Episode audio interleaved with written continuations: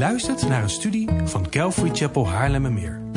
We bidden dat de Heer tot je zal spreken en je zult groeien in jouw persoonlijke relatie met de levende God. Bezoek voor meer informatie onze website calvarychapel.nl. Dat is C-A-L-V-A-R-Y-C-H-A-P-E-L.nl.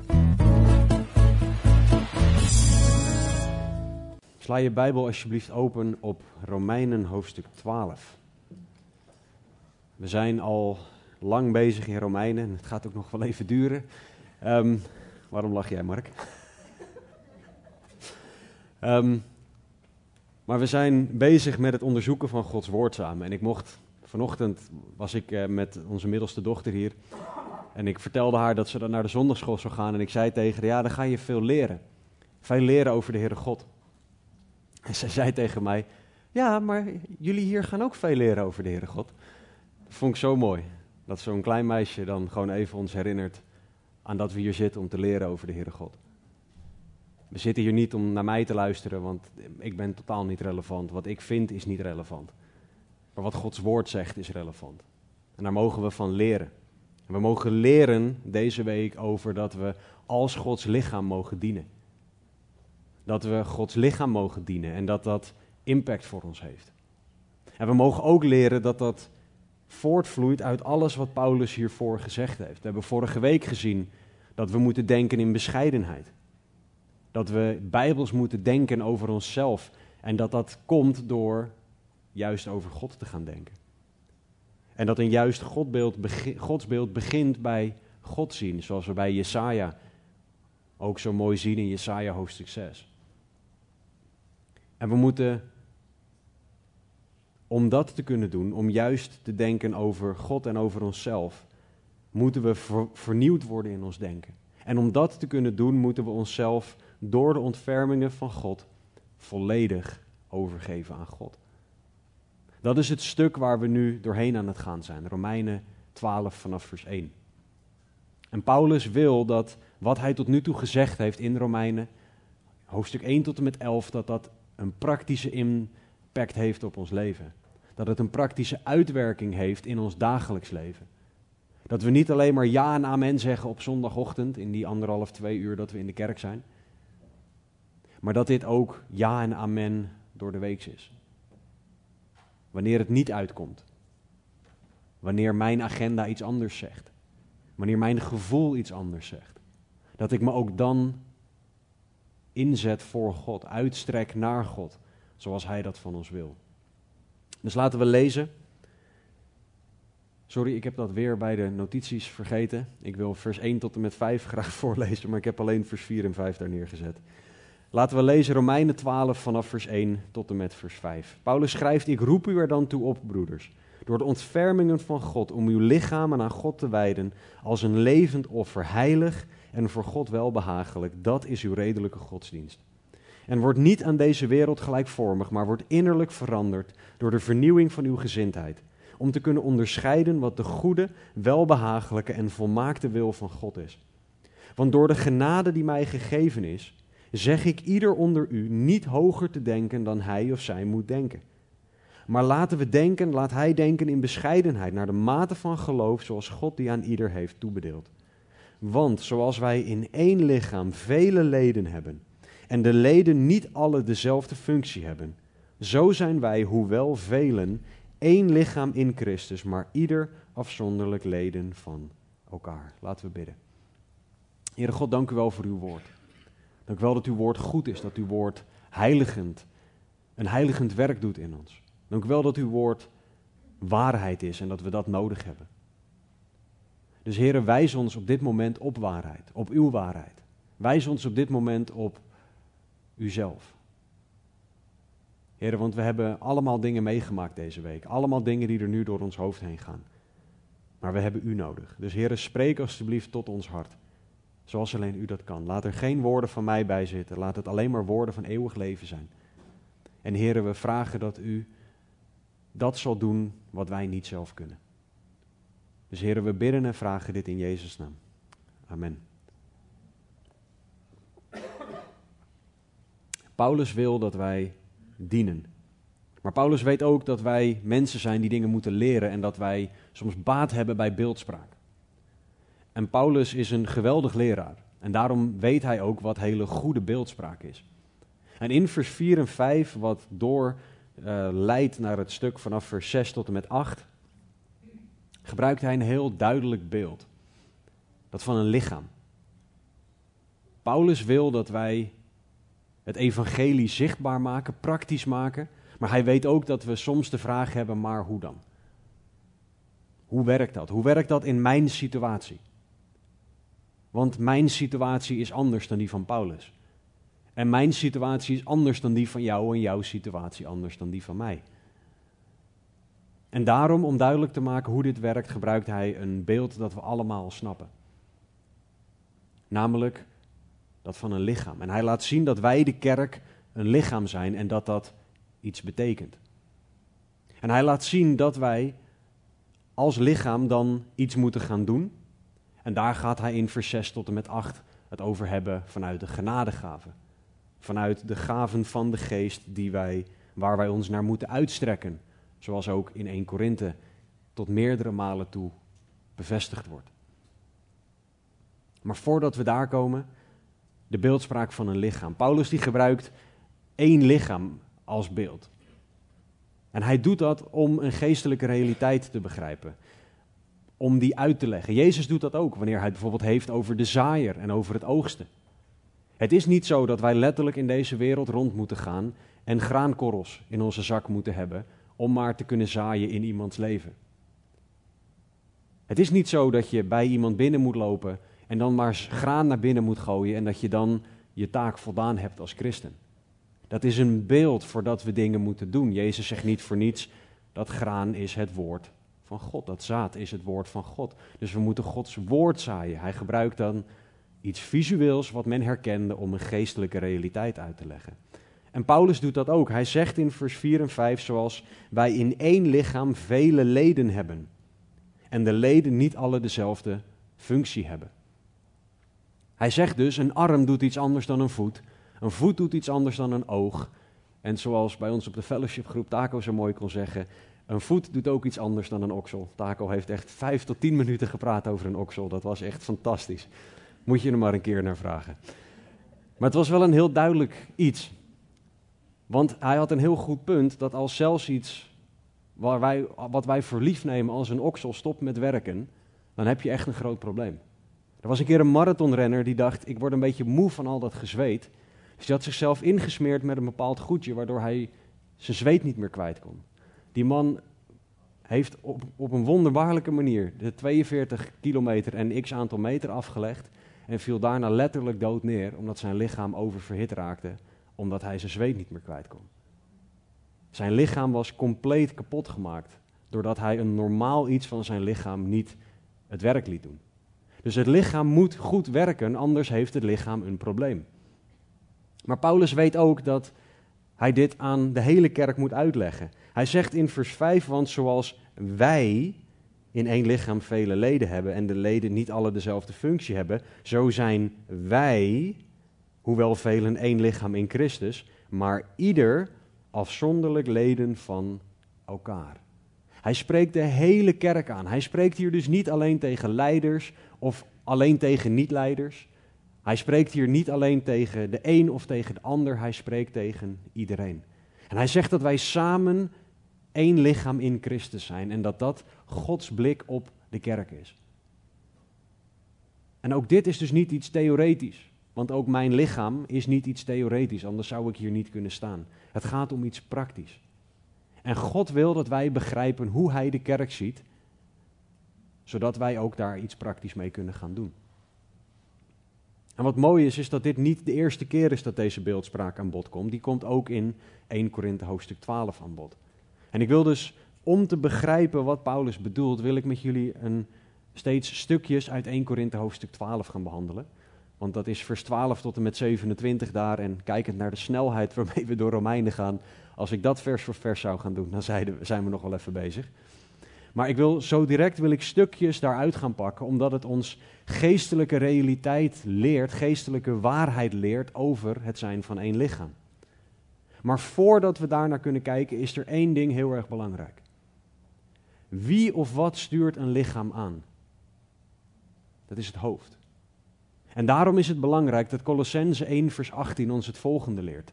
En hij, Jezus, is het hoofd van het lichaam, namelijk van de gemeente. Hij die het begin is, de eerstgeborene uit de doden, opdat hij in allen de eerste zou zijn. Colossense 1 vers 18. Voordat we naar de details van hoe het lichaam werkt en wat dat van ons vraagt kunnen kijken, moeten we weten dat Jezus het hoofd van de kerk is. Als mijn hoofd niet goed werkt ten opzichte van mijn lichaam, dan heb ik een heel groot probleem. Neem bijvoorbeeld de nare ziekte van epilepsie. Dat er iets in je hoofd gebeurt waardoor je lichaam andere dingen gaat doen. Dat is wat er gebeurt als de kerk niet goed luistert naar het hoofd, namelijk Jezus Christus. Dat de kerk dingen gaat doen die niet passen bij het hoofd, namelijk Christus. En er is geen mens die kan claimen dat hij of zij het hoofd van de kerk is. Want, Colossense 1 vers 18, hij is het hoofd van het lichaam, namelijk van de gemeente. Het hoofd bepaalt wat het lichaam doet, hoe het lichaam het doet, wanneer het lichaam het doet. En dat is een taak die Gods woord, die de Heilige Geest aan Jezus Christus zelf geeft. Het feit dat ik nu hier sta en dat ik als interim voorganger deze gemeente mag leiden, betekent niet dat ik het hoofd van deze gemeente ben en dat ik alles bepaal. Het betekent dat ik de taak van God heb gekregen om het hoofd van de gemeente te vragen wat hij wil. En dat ik daarin een bepaalde functie mag vervullen om dat ten uitvoer te brengen. Maar ook maar een stukje. Want het hangt niet van mij af, alsjeblieft niet. Het hangt van God af. Geen mens kan de positie en taak van hoofd van de gemeente claimen. Niemand kan dat ooit doen, bijbels gezien. Want de Bijbel geeft die functie en die taak aan Jezus. Dus geen voorganger, geen dominee, geen paus kan bijbels claimen dat hij of zij het hoofd van de kerk is. Jezus is het hoofd van de kerk.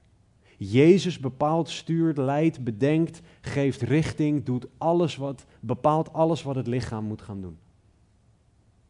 En dat is niet onderhandelbaar, omdat de Bijbel ons dit onderwijst. En nu denk je, De Haan, waarom hamer je hierop? Want de Bijbel zegt dit toch. Nou, er zijn door de eeuwen heen mensen gestorven omdat zij aan deze theologie vasthielden. In de kerkgeschiedenis bijvoorbeeld Johannes Hus, dat was iemand die volgens mij uit de buurt van Hongarije kwam. Die man is gestorven, is een martelaar geworden, omdat hij tegen de Rooms-Katholieke Kerk durfde te zeggen: Christus is het hoofd van de gemeente, niet de paus. En zo zijn er velen na hem geweest die gestorven zijn voor de leer dat Jezus het hoofd is van de kerk. We moeten dat dus niet voor lief nemen, we moeten dat ons eigen maken en ook inzien wat dat betekent voor ons. Want als hij de gemeente leidt, en wij zijn de gemeente, en ik ben de gemeente, want het woord kerk is ecclesia, betekent de uitgeroepenen, dat zijn mensen, dan is Jezus dus mijn hoofd. En bepaalt Jezus dus wat ik doe. Wat, hoe ik het doe. Wanneer ik het doe. Waar ik het doe. In de plaats van dat ik dat bepaal. En de impact van deze Bijbelse leer dat Jezus het hoofd van de gemeente is, is dat we Jezus zijn leiding nodig hebben. In de plaats van primair zoeken naar wat mensen zeggen, hebben we nodig wat Jezus zegt. Moeten we zijn leiding boven alles zoeken, omdat Hij het hoofd is en omdat Hij bepaalt. En voor ons, om het lichaam van Christus te begrijpen, om te begrijpen wat dat voor ons betekent, is het dus belangrijk om te weten wie leiding geeft. Dat is Jezus. Nou, in 1 Korinthe 12, als je een Bijbel hebt, blader daar alsjeblieft naartoe. Wordt er veel meer uitgelegd over wat dit dan betekent. Wat betekent het dan om één lichaam te zijn? Nou, in 1 Korinthe 12, in vers 12 en 13, wordt er één heel belangrijk detail gegeven. Paulus die schrijft daar, want zoals het lichaam één is en veel leden heeft en al de leden van dit ene lichaam, hoewel het er veel zijn, één lichaam zijn, zo is het ook met Christus. ook wij allen, vers 13, zijn door één geest tot één lichaam gedoopt. Het zij dat wij Joden zijn, het zij Grieken, het zij slaven, het zij vrijen. En wij allen zijn van één geest doordrenkt. Wat Paulus hier zegt is dat wij niet één lichaam gemaakt zijn omdat wij elkaar zo leuk vinden. En omdat wij allemaal zo ontzettend aardig zijn, vooral jij. Dat is niet wat hier staat. Wij, hij zegt, ook wij allen immers zijn door één geest tot één lichaam gedoopt. Dus waarom zijn wij, Calvary Chapel Haarlemmermeer, één lichaam? Door de Heilige Geest. Waarom zijn wij één lichaam met al onze broeders en zusters wereldwijd? Of die nou een andere taal spreken, er anders uitzien, anders ruiken of klinken. Door één geest. Daarom kan je. Sorry, dus ze zitten hier aan elkaar te ruiken. maar daarom kan je ook, als jij een wedergeboren christen tegenkomt in een willekeurig ander land, die een willekeurige andere taal spreekt, heb je een verbinding. Heb je een connectie met hen. Je kent ze niet, je weet helemaal niks van ze, maar je weet één ding. Ik ben één met jou door de geest. Maar waarom is het ook belangrijk dat dit door de geest is? Omdat er, en laten we eerlijk zijn, in de kerk af en toe mensen zitten die jij vervelend, lastig of eng vindt. En toch ben je één lichaam met die mensen. Die mensen die jij moeilijk benaderbaar vindt. De mensen die jij moeilijk aan te spreken vindt. De mensen die, waarvan jij denkt, oh die vindt mij niet aardig. Of de mensen Vul maar in welke emotie je daarbij hebt of wat je daarbij ervaart. Je bent één met hen, want de geest maakt ons één. En wij moeten, als wij, Romeinen 12:1, helemaal aan God toegewijd zijn, Romeinen 12:2 vernieuwd zijn in ons denken, Romeinen 12:3 bescheiden zijn in ons denken, dan moeten wij ook en dat is vers 4 en vers 5 van Romeinen 12, één lichaam zijn in denken en doen, ook met die persoon die we lastig vinden. Ook met de persoon die we moeilijk te benaderen vinden. De persoon die we misschien zelfs eng vinden. Want door de geest zijn we één. De geest moet onze gedachten veranderen, zodat wij gaan houden van alle mensen die hij in zijn gemeente geplaatst heeft. Ik weet van mezelf dat ik bijvoorbeeld niet heel makkelijk lief te hebben ben. Ik ben iemand met best wel een gebruiksaanwijzing. Vraag maar aan mevrouw of aan de, de, de mensen hier die al wat langer komen. Die weten dat ik een gebruiksaanwijzing heb. Maar we mogen allemaal zoeken naar hoe mag ik die ander lief hebben. We hebben daar de Heilige Geest voor nodig en daarom is het zo fijn dat we door één geest één gemaakt zijn. Want alleen Hij kan ervoor zorgen dat we dit ook daadwerkelijk gaan leven. En voor die eenheid moet hij dingen uit ons hart en ons hoofd halen, zodat we vernieuwd gaan leven, vernieuwd gaan kijken. En daarbij dus, broeder, zuster, onderzoek je eigen hart. Hoe kijk jij naar de kerk, naar Gods lichaam? Zie jij dat als iets prachtigs wat de Heilige Geest één gemaakt heeft? Of zie jij daar die ene vervelende, nare, moeilijke persoon?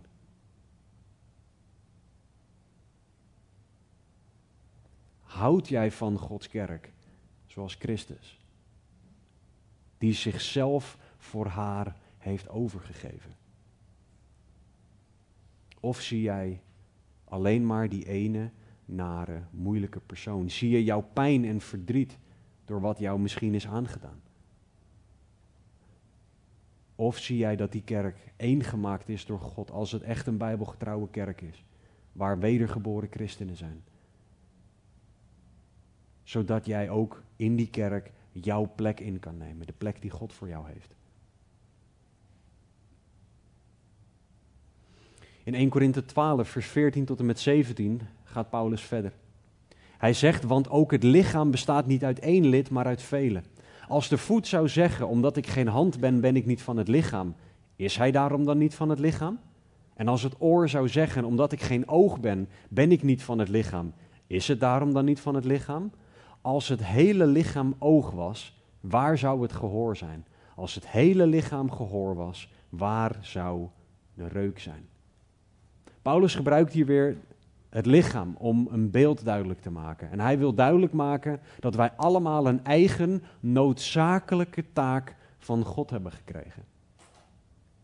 Niemand van ons krijgt een taak die nutteloos is in Gods ogen. Niemand. Als ik even weer het voorbeeld van Taco mag aanhalen met de oksel. Een oksel is een ontzettend nuttig onderdeel van het lichaam. Als je kijkt, vind je misschien een hand of een oor of een oog wel interessanter. Maar elke functie is belangrijk. Iedereen heeft van God, jij, u en ik, hebben allemaal een taak van God gekregen binnen het lichaam. En die taak is noodzakelijk, want niet iedereen kan hetzelfde doen. Er zijn gewoon bepaalde dingen die ik niet kan. Het zijn er genoeg trouwens, maar zo klinkt het alsof ik heel veel kan, zo bedoel ik het niet. Maar we moeten zoeken naar Gods plek voor ons binnen het lichaam. We moeten zoeken naar wat Hij voor jou, voor u en voor mij wil. En dat is allemaal anders en dat is goed. Moet je nagaan als we hier met z'n allen zouden willen staan, met z'n allen achter deze kansel. Dan is er niemand om te luisteren en het is erg ingewikkeld om met z'n allen door één microfoon heen te praten. Of je zit ongeveer twee weken één zondagsdienst te houden omdat iedereen een preek wil geven.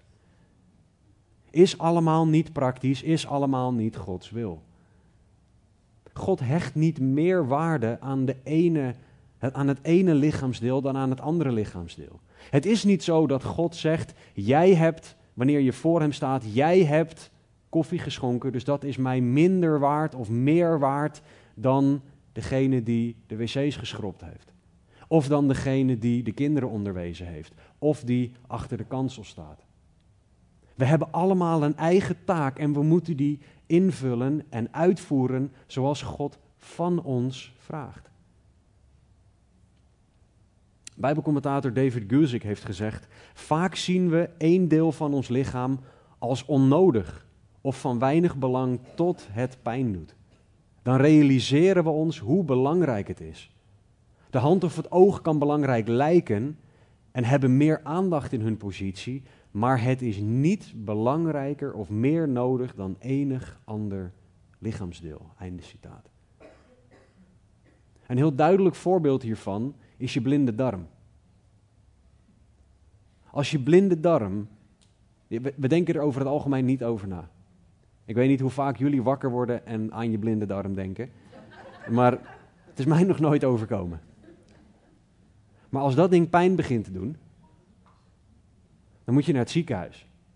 En ik moet nu voorzichtig zijn, want ik weet dat er een aantal mensen hier in de kerk zitten die in een ziekenhuis werken. Maar het is heel pijnlijk als je blinde darm ontstoken is. Als je blinde darm niet naar behoren niks doet in je lichaam. Als je blinde darm niet naar behoren zijn functie inneemt. We moeten niet denken dat iemand binnen de gemeente belangrijker of minder belangrijk is dan de ander. We moeten niet denken dat een bepaalde functie of een bepaalde taak beter is of minder is dan de ander. En daarom is het dus weer zo belangrijk dat we, Romeinen 12:1, onderworpen zijn, toegewijd aan God. Dat we vernieuwd zijn, vers 2 in ons denken. Dat we bescheiden over onszelf denken, vers 3. En dat we zoeken naar wat God voor ons heeft qua plek in zijn lichaam. Eén lichaam, maar vele leden. En wat mooi is, is dat als we Hem zoeken en als we Hem volgen, dan zijn we een zegen voor het lichaam. Neem een hand. Als een hand de functie inneemt die die moet innemen, dan is het een geweldige zegen voor het lichaam. Maar als je hand niet meewerkt, of als je hand zelfs tegenwerkt, is dat heel vervelend voor het lichaam. In mijn geval ben ik rechts. Als mijn rechterhand nu besluit om een voet te willen zijn, of iets anders te willen doen dan wat ik van mijn rechterhand vraag, dan is dat heel vervelend. Zo ook in het lichaam. Als wij, in het lichaam van Christus bedoel ik, als wij de functie innemen die God voor ons heeft, is dat een zegen voor de kerk. Maar dat betekent ook dat als we niet luisteren naar Gods leiding, dat als we niet de plek innemen die God voor ons heeft, dan bezorgen wij het lichaam van Christus een probleem. lichaamsdelen die hun eigen ding gaan doen, is een probleem voor het lichaam. Zoek dus naar waar God jou wil inzetten. En denk niet, oh maar het is beter als. Nee, het is het beste om te doen wat God van jou vraagt. Dat is altijd de beste plek om te zijn. Want dat is wat God van jou vraagt. En Hij weet het toch echt het beste. Hij is alwetend. Maar let alsjeblieft op dat vers 4 en vers 5, en dat vergeten we nog wel eens bij, door de snelheid waarmee ik door Romeinen heen ga, dat vers 4 en vers 5 na vers 1 tot en met 3 komen. Pas wanneer je lichaam toewijden aan God, innerlijk veranderd worden door de vernieuwing van je gezindheid en bescheiden denken om de wil van God kunnen onderscheiden. Wanneer dat realiteit wordt, zal jij ook het lichaam van Christus gaan zien zoals moet. Ik zeg niet dat je eerst dit perfect moet doen voordat je je plek in kan nemen. Maar terwijl jij je plek in het lichaam van Christus inneemt, blijf jezelf onderwerpen en toewijden aan God. Blijf Hem vragen om jouw denken te vernieuwen. Blijf Hem vragen om jou bescheiden te laten denken. Waarom is dat nodig? Nou, omdat ons hart arglistig is. Ik had het hier vanochtend nog met twee broeders over. Ik zat gisteren zat ik op het YouTube-kanaal van een gemeente die ik ken, een bijbelgetrouwe gemeente hier in Nederland te kijken. En ik zag, prijs de Heer, dat zij vele duizenden mensen bereiken met hun video's. Echt, hun topvideo heeft 13.000 plus mensen die ernaar hebben gekeken of views. Maar ik dacht, zondige kneus dat ik ben, waarom wij niet? In de plaats van dat ik wilde dat wij Calvary Chapel Haarlemmermeer de plek innemen die God voor ons heeft, dacht ik, ja, maar ik wil die plek hebben. Ik wil net zoveel als zij. En ik dacht niet, Heer, wat fantastisch. Zegen hen dat u zo bezig bent met hen. Gebruik dat tot ere glorie van uw naam en leer ons de plek in te nemen die u voor ons hebt. Nee, ik dacht, ik wil dat. Het hart is arglistig. Het hart wil zo snel wat God aan een ander gegeven heeft. Want blijkbaar is het nu niet voor, van God dat wij dit krijgen. Prijs de Heer. Maar ik moest echt weer opnieuw aangepakt worden in mijn gedachten door God. Ik moest teruggebracht worden bij vriend, jij hebt een plek voor mij gekregen. Neem die plek in. Dat is de plek die ik voor jou heb. Want, en dat is ook het volgende vers uit 1 Korinthe 12, 1 Korinthe 12, 18. Maar nu heeft God de leden, elk van hen afzonderlijk, in het lichaam een plaats gegeven zoals Hij gewild heeft. Dit is zo belangrijk. Dat we ons realiseren dat God ons de plek geeft zoals Hij gewild heeft. Dus dat betekent dat we een plek krijgen van Hem, maar wat ook zo fijn is, Hij geeft iedereen een plek en dat heeft Hij gewild. Je bent dus niet opgedrongen bij God, zo van ja, wat moet ik met jou? Nou ja, dan doe ik jou daar wel. Zoals je bij, in, in, bij gimmen op de basisschool ziet, bij het laatste kind dat gekozen wordt, nou ja, dan ga jij daar maar bij. Zo voelt dat dan vaak. Nee, niemand kan God dwingen. Niemand maakt, is een afdankertje bij God. God wil jou op een bepaalde plek hebben. Omdat hij weet dat hij jou daar kan gebruiken. Maar wat is dan belangrijk? Dat jij jouw God gegeven plek accepteert. Want als jij ervoor kiest om niet tevreden te zijn met wat God jou geeft, dan schaadt het niet alleen jouw relatie met God, maar het heeft ook invloed op je broeders en je zusters. Het heeft invloed op de kerk. Ja, maar Heer, ik wil. Nee, Hij heeft een plek gegeven zoals Hij gewild heeft. En ik heb het nodig, wij hebben het nodig dat wij allemaal de plek innemen die God voor ons heeft. Het hele lichaam moet met en voor het lichaam actief zijn. Voor de duidelijkheid, het is niet zo dat je statisch één plek van God krijgt en dat dat nooit meer verandert. Het is niet zo dat je één keer van God een plek krijgt en dat dat nooit meer anders zal zijn. Daar houdt de beeldspraak van het lichaam op. Want het is niet zo dat mijn hand opeens, kan, opeens verandert en een voet wordt. Maar het kan wel zo zijn dat God jou op een andere plek wil gaan inzetten.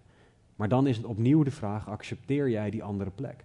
Of hou jij vast aan wat jij wil dat jij moet doen, want dat is zoals het eigenlijk zou moeten? Mag God jou tijdelijk een andere plek geven dan dat jij wil of verwacht? Of überhaupt een andere plek geven dan dat jij wil of verwacht? Dat kan echt een heel hard gelach zijn. Dan kan je echt zoiets hebben van, Heer, dit wil ik niet, dit accepteer ik niet, dit kan niet. Maar uiteindelijk zeg je dan, Heer, ik weet beter dan u wat goed is voor uw kerk. Ik weet beter dan de alwetende wat goed is. Echt waar? Laten we bescheiden en vernieuwd denken. Het kan ook zijn dat de plek die God voor jou heeft niet natuurlijk voor jou is. Niet past bij wat jij denkt dat bij jou past. Dat je denkt, ja, maar hier heb ik de talenten niet voor. Top. Dan ben je echt afhankelijk van God. Dan ben je echt compleet overgegeven en weet je, dit kan ik niet, Heer, u moet het doen.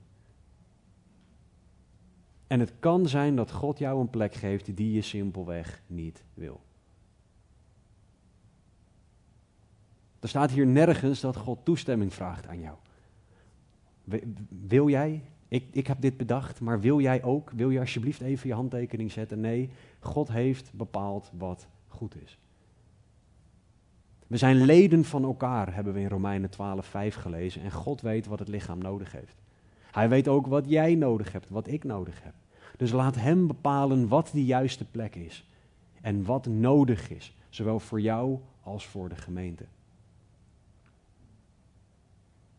En als laatste punt uit 1 Korinthe 12 wil ik vers 26 daar aanhalen. Daar staat, en als één lid lijdt, lijden alle leden mee. Als één lid eer ontvangt, verblijden alle leden zich mee. Nou, als je kijkt naar je lichaam, als één deel van je lichaam ergens doorheen gaat, heeft je hele lichaam daar last van. Zeker wij mannen hebben daar last van. Als we onze kleine teen stoten, hey, doet alles pijn.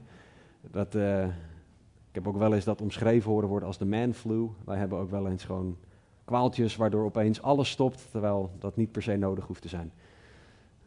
Ander gesprek, maar dat maakt niet uit. Um, als één lichaam ergens, één deel van je lichaam ergens doorheen gaat, heeft alles daar last van. En zo geldt dat ook in de kerk. We lijden en verblijden ons samen. Dat is hoe het zou moeten zijn. Maar dat maakt openheid, dat maakt het openen van je hart, het delen van je hart, het omzien naar elkaar, maakt dat zo ontzettend belangrijk. Want anders zal je het niet samen doorleven. We moeten zorg dragen voor elkaar, want dat heeft het lichaam nodig. Als je kijkt naar een wond in je lichaam, dan zie je dat het hele lichaam aan de slag gaat om dat op te lossen. Je, daar zijn genoeg filmpjes en dingen over te vinden over wat het lichaam dan allemaal doet om dat weer te fixen. Zo hoort het ook in de kerk te zijn. Wij horen zo met elkaar om te gaan. En het is dan dus cruciaal dat we leren aangeven, maar ook leren opmerken dat iemand lijdt of zich verblijdt. Een lichaamsdeel dat er alleen voor staat, heeft een probleem. We moeten onszelf niet terugtrekken van de kerk, maar juist uitreiken naar de kerk. Want een lichaam kan pas helpen als er weet dat er iets is. En tuurlijk gaat dat twee kanten op, maar dat betekent ook dat het vanuit jou naar het lichaam toe is, naar de kerk, om te delen dat er iets is. Trek je alsjeblieft niet terug van Gods kerk als je pijn hebt. Ren juist naar de kerk toe, want dat is wat God ons gegeven heeft als een van de middelen om zijn troost door te ontvangen. En het is minimaal net zo belangrijk dat wij opmerkzaam zijn. Dat je het ziet aan elkaar, dat je door de geest geleid doorhebt, er is iets. En dan hoef je niet eens te weten wat. Maar dat je vraagt, wat is er? En doorvraagt. We moeten liefdevol op elkaar letten. En misschien ben jij door pijn en verdriet, door wat je hebt meegemaakt, geneigd om je terug te trekken van de kerk. Misschien heb je zoiets van, ik leid wel alleen en in stilte. Ik ga hier wel alleen doorheen. Want dat heb ik toch altijd al gedaan. En zie je wel. Maar dat is precies waar Satan je wil hebben, waar de vijand je wil hebben. Hij wil dat je alleen door dingen heen gaat. Alleen. Hij wil dat je voelt dat je geïsoleerd bent, want dat maakt jou zo kwetsbaar. Maar vertel juist een broeder of een zuster over je situatie en ga samen naar de Heer. Isoleer jezelf niet, maar maak gebruik van het lichaam van Christus. Sta jij open om dat te delen? En sta jij ervoor open om dat te observeren en dan ook wat te gaan doen? Want het feit dat jij het observeert, is over het algemeen een indicatie van de Heer dat jij er iets mee moet gaan doen. Niet dat je er met iemand anders over moet gaan praten. Zijn wij bereid om dat te doen? Zijn wij bereid om als een lichaam te functioneren? Wat dat ook betekent. Dat betekent onder andere dat wij het lichaam, de kerk zelf, moeten gaan dienen. In Galaten 6, vers 10 staat er: Laten wij dus, terwijl wij gelegenheid hebben, goed doen aan allen, maar vooral aan de huisgenoten van het geloof. Dit is waar die elkaar versen waar ik wekelijks op terugkom, ook op neerkomen. God wil dat we elkaar dienen, maar vooral slaat hij elkaar op onze broeders en op onze zusters. Een lichaam zorgt, in, een gezond lichaam zorgt goed voor zichzelf. Doordat alle onderdelen goed samenwerken. En we hebben allemaal een taak gekregen richting ook het lichaam van Christus. Dus als wij goed doen aan alle, maar vooral naar de kerk, dan moeten we dat serieus nemen. Dan moeten we uitreiken, bellen, appen, langsgaan, samen eten, samen huilen, samen lachen. Het leven delen met elkaar. We moeten de ander liefdevol corrigeren, de ander op God wijzen, samen het woord openen, elkaar opbouwen, etc. Dat hebben we nodig.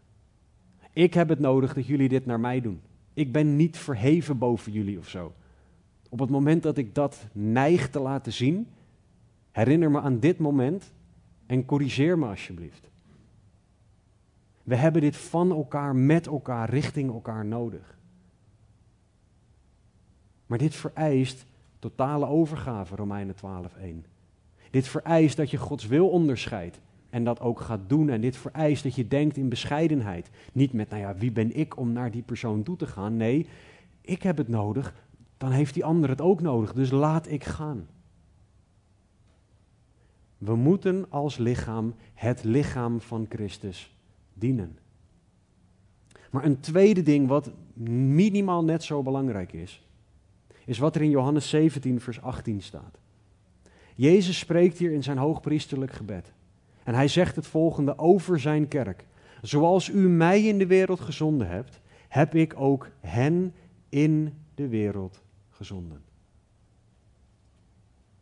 Ik weet niet of het je wel eens is opgevallen, maar jouw lichaam staat ergens of zit ergens of ligt ergens. Het lichaam van Christus is ergens. Leeft ergens, beweegt ergens. In ons geval is dat, wij staan als Calvary Chapel Haarlemmermeer in Nieuw-Vennep, maar wij, het lichaam, zijn overal. Wij zijn op plekken. En wij, het lichaam van Christus, zijn door het hoofd Jezus Christus in de wereld gezonden. Wij zijn gezonden om in de wereld iets te doen. We staan midden in de wereld en daar hebben wij als Christus lichaam een taak. En daar mogen wij als kerk, maar ook zeker jij, u en ik als individuen zoeken naar hoe God wil dat we Hem dienen. Wat vraagt God van jou? Want God wil Zijn kerk gebruiken om meer mensen tot zichzelf te trekken. En daarin heb jij specifiek, u en ik hebben daarin een taak. De grote opdracht, ga heen en maak alle volken tot mijn discipelen, heeft een hele specifieke toepassing.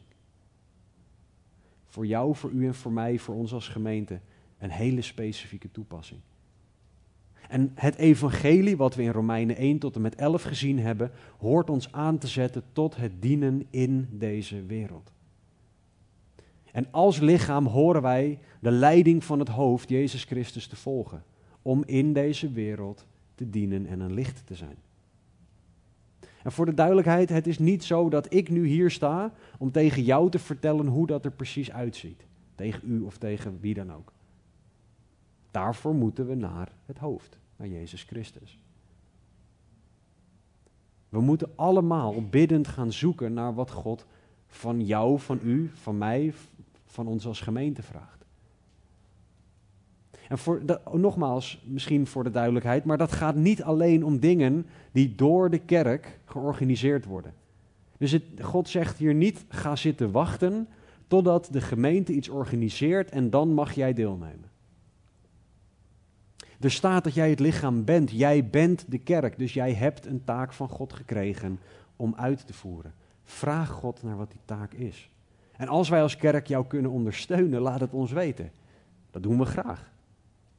Maar ga niet zitten wachten totdat ik een idee krijg, want zo creatief ben ik niet. Ga niet zitten wachten totdat het leidersteam van de gemeente eindelijk eens iets bedenkt of dat ze eindelijk eens iets gaan doen. Nee, wacht op Jezus. Vraag het aan Hem, zoek Hem. Want Hij geeft leiding aan jou in jouw specifieke situatie voor elke dag. Dat moet je echt niet van mij of van het leidersteam verwachten. Misschien moet jij wel een voedselbank beginnen. Ik weet dat de, de zustergemeente die we hebben in Lelystad, dat die dat gaat doen. Of in ieder geval dat idee overwegen. Om een voedselbank met gratis maaltijden op te gaan starten. Dat heeft wat logistieke uitdagingen. Maar ze gaan het gewoon proberen en ze gaan het doen. Misschien moet je wel een kledingwinkel beginnen. Ik weet dat Stichting Kidsfair vanuit deze gemeente door een aantal dames gerund wordt. Goedkope kleding om uiteindelijk ook over het evangelie te kunnen praten. Misschien wil God daar jou of u wel in gebruiken. Misschien een koffiebar, een klusjesbedrijf. Evangeliseren op straat. Zending, zendeling worden. Een kerk beginnen. Ik weet het niet. Maar God weet het. Zoek zijn leiding. En ga dingen doen. Kom in beweging. Daarmee bedoel ik niet fysieke beweging om fit te worden. Daarmee bedoel ik ga stappen in geloof zetten. Vraag maar aan Taco wat een stap in geloof het voor hem en voor zijn gezin is. Dat kan je ook aan zijn vrouw vragen om naar India te gaan. Dat is een gigantische stap in geloof. Wij mogen allemaal aan God vragen: Heer, welke stap in geloof wilt u dat ik ga zetten? En ga gewoon iets proberen als je denkt dat God het van je vraagt. Dat heb ik ook gedaan. God zei, ik denk nog steeds dat God het op mijn hart gelegd heeft om een YouTube-kanaal te beginnen. Ik weet tot op de dag van vandaag niet wat God ermee wil. Maar ik weet wel dat God het van me vraagt. Ik dacht een tijdje geleden, nee, ik moet er echt mee stoppen. En ik dacht, Heer, bevestig dat alstublieft. En ik kreeg niks, krekeltjesgeluid, stilte. Want God had mij een opdracht gegeven waar ik naar terug moest. Jij hebt deze opdracht van mij gekregen. Ik heb niks anders gezegd. Wat zeur je nou? Ga door.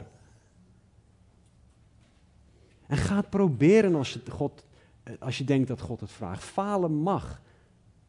Het is niet erg als je iets probeert en het werkt niet. Er staat nergens dat dat niet mag in het woord. Zolang je maar niet in zonde vervalt erin. Zoek naar Gods leiding en ga doen wat Hij op je hart legt, waar Hij je toe leidt. Want wij zijn Zijn lichaam in deze wereld. We hebben een plek in deze wereld gekregen om de mensen die verloren gaan te bereiken.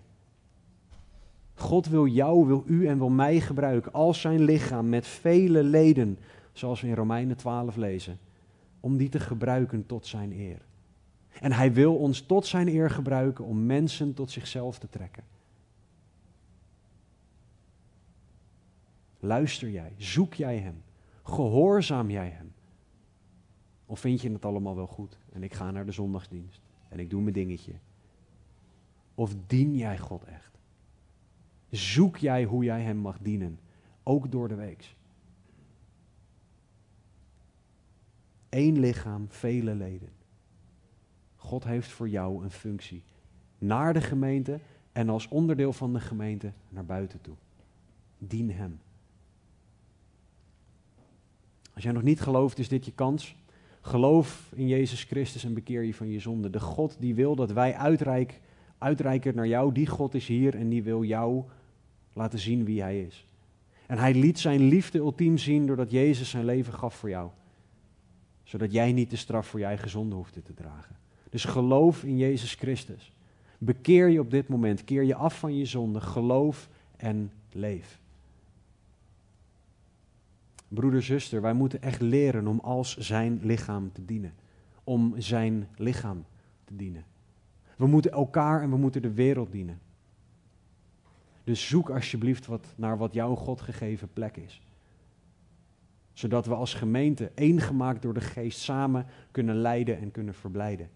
Zoek biddend hoe je de kerk mag dienen. En zoek biddend hoe jij als deel van de gemeente in de wereld mag dienen. En hoe het lichaam van God gebruikt mag worden om mensen tot Hem te trekken.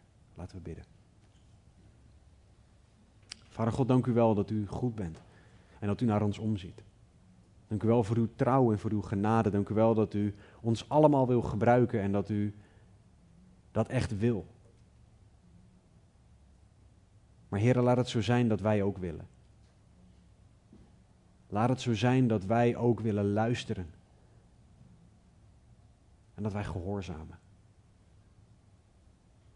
Heer, ik bid dat u op dit moment tot onze harten zal spreken, Heer. Als er mensen zijn die nog niet geloven, laat ze dan zien dat u God bent. Laat ze zien dat u van ze houdt. Laat ze zien dat u uw zoon gegeven hebt. Stel ze voor die keuze. Heren, voor degenen die al geloven, laat ze zien waar we misschien gemakzuchtig zijn. Laat ons zien waar we misschien achteroverleunen in de plaats van de wedloop lopen. Laat ons zien wat uw plek voor ons is. Laat ons zien hoe we u mogen dienen. Laat ons zien waar we stappen in geloof mogen zetten. En leid ons dan om het ook te gaan doen. Heer, vergeef ons waar wij gemakzuchtig zijn geweest. Vergeef ons waar wij stil hebben gezeten. En help ons, leid ons om u te dienen. Als uw lichaam. Help ons om de wereld te dienen als uw lichaam. Help ons om uw lichaam te dienen. Heren, we vragen dit uitgenade in Jezus' naam. Amen. Mark en Heidi zullen zo naar voren komen en ons nog leiden in een aantal liederen. Er zullen wat mensen aan de randen van de zaal ook gaan staan die heel graag met en voor je willen bidden. En ga ook gewoon in je stoel, terwijl je de liederen luistert en meezingt, ga gewoon vragen aan God wat Hij voor jou heeft. Hoe jij Hem mag dienen. Hoe Hij wil dat jij de plek inneemt die Hij voor jou heeft. Zoek Hem, laat dat aan Hem over. En laat Hem bepalen wat wijsheid is, wat goed is, wat de Bijbelse plek voor jou in zijn kerk is.